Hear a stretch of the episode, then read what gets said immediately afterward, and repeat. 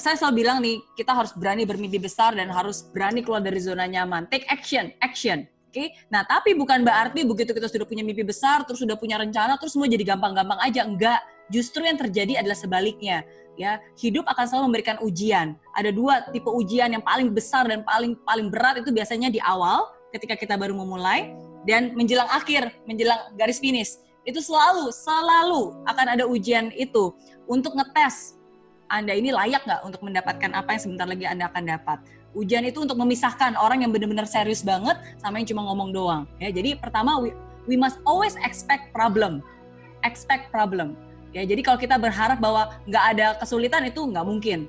Oke, okay? and because we expect bahkan ada problem, bakalan ada masalah. Oke, okay? nah jadi kalau buat saya, uh, saya sekarang sudah selalu udah punya amunisi, amunisi untuk bisa membuat saya bisa lebih cepat bangkit lagi ya. Jadi uh, pertama kita harus diingatkan lagi nih, alasan Anda apa? Apa alasan untuk Anda bisa mau melakukan hal-hal susah itu?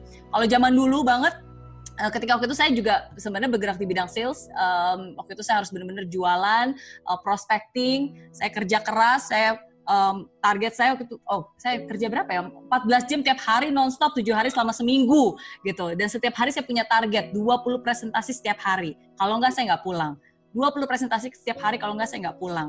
Itu target saya dan itu komitmen saya. Uh, kenapa waktu itu saya um, membuat target itu? Ya karena saya bukan anak yang terakhir dari keluarga yang kaya raya, yang semuanya serba gampang, yang kalau gagal ya udah tinggal minta modal, coba lagi nggak mungkin. Jadi saya harus memaksa mendisiplinkan diri saya. Kerja keras akan selalu membuahkan hasil. Siapa yang bekerja keras, dia akan menciptakan keberuntungan bagi dirinya sendiri. Oke, okay? nah jadi um, Kira-kira saya pernah ditolak nggak? Pernah. Uh, digagal berkali-kali, dicibir orang pasti, diketawain juga pasti, uh, capek pasti. Tapi apa yang membuat saya selalu bangkit pada saat itu? Uh, again, saya selalu ingat, uh, saya selalu ingat utang yang harus saya bayar. Jadi waktu itu kan baru lulus kuliah uh, dan kuliah juga gara-gara ngutang kan dan waktu itu hutangnya 40 ribu Singapura dolar. Jadi kalau dikursin ke rupiah itu sekitar 400 juta rupiah. Uh, dan saya selalu ingat utang itu. Dan saya selalu ngebayangin utang itu kan mau nggak mau harus dibayar. Kalau bukan saya yang bekerja keras dan bayar semua itu, siapa yang akan bayar? Orang tua saya pasti. Ibu saya nggak bekerja, cuma ada papa yang bekerja. Dan dengan papa yang usianya udah nggak muda lagi, harus bekerja keras, di Indonesia yang pendapatannya rupiah harus dikonvert ke dolar gitu jauh lebih susah pasti dan jadi ketika saya ngebayangkan saya capek, oke? Okay? Tapi kalau bukan saya yang capek, nanti papa yang akan lebih capek gitu. Jadi ketika saya membayangkan itu, itu saya pasti nggak akan nggak akan bisa kuat untuk bisa membayangkan gitu dia di usianya yang udah tidak muda lagi harus susah-susah seperti itu.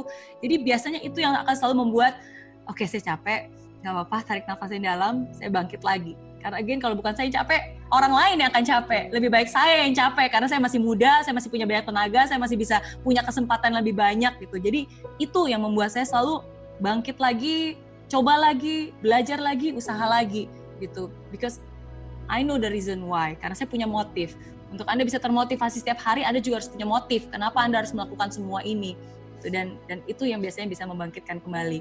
Um, dan percaya, percaya deh, dengar kata-kata saya, percaya, percaya bahwa um, ketika kita ber, jatuh, terpuruk, berada di titik terendah, justru titik terendah itulah saat di mana kita bisa membangun fondasi pijakan kita supaya kita bisa lebih kuat lagi dan supaya kita bisa lebih strong supaya kita bisa lebih tangguh gitu jadi you always have a choice untuk give up or get up.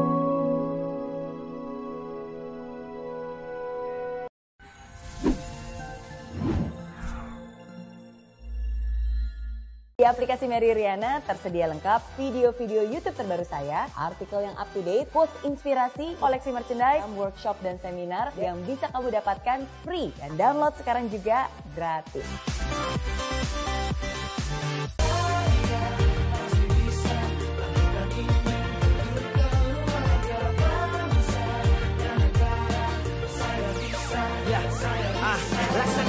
Tanpa hujan Hidup tanpa tujuan. Kering dan mati tanpa hijaunya tumbuhan ah. Demikian kalau mimpi tak kunjung terjadi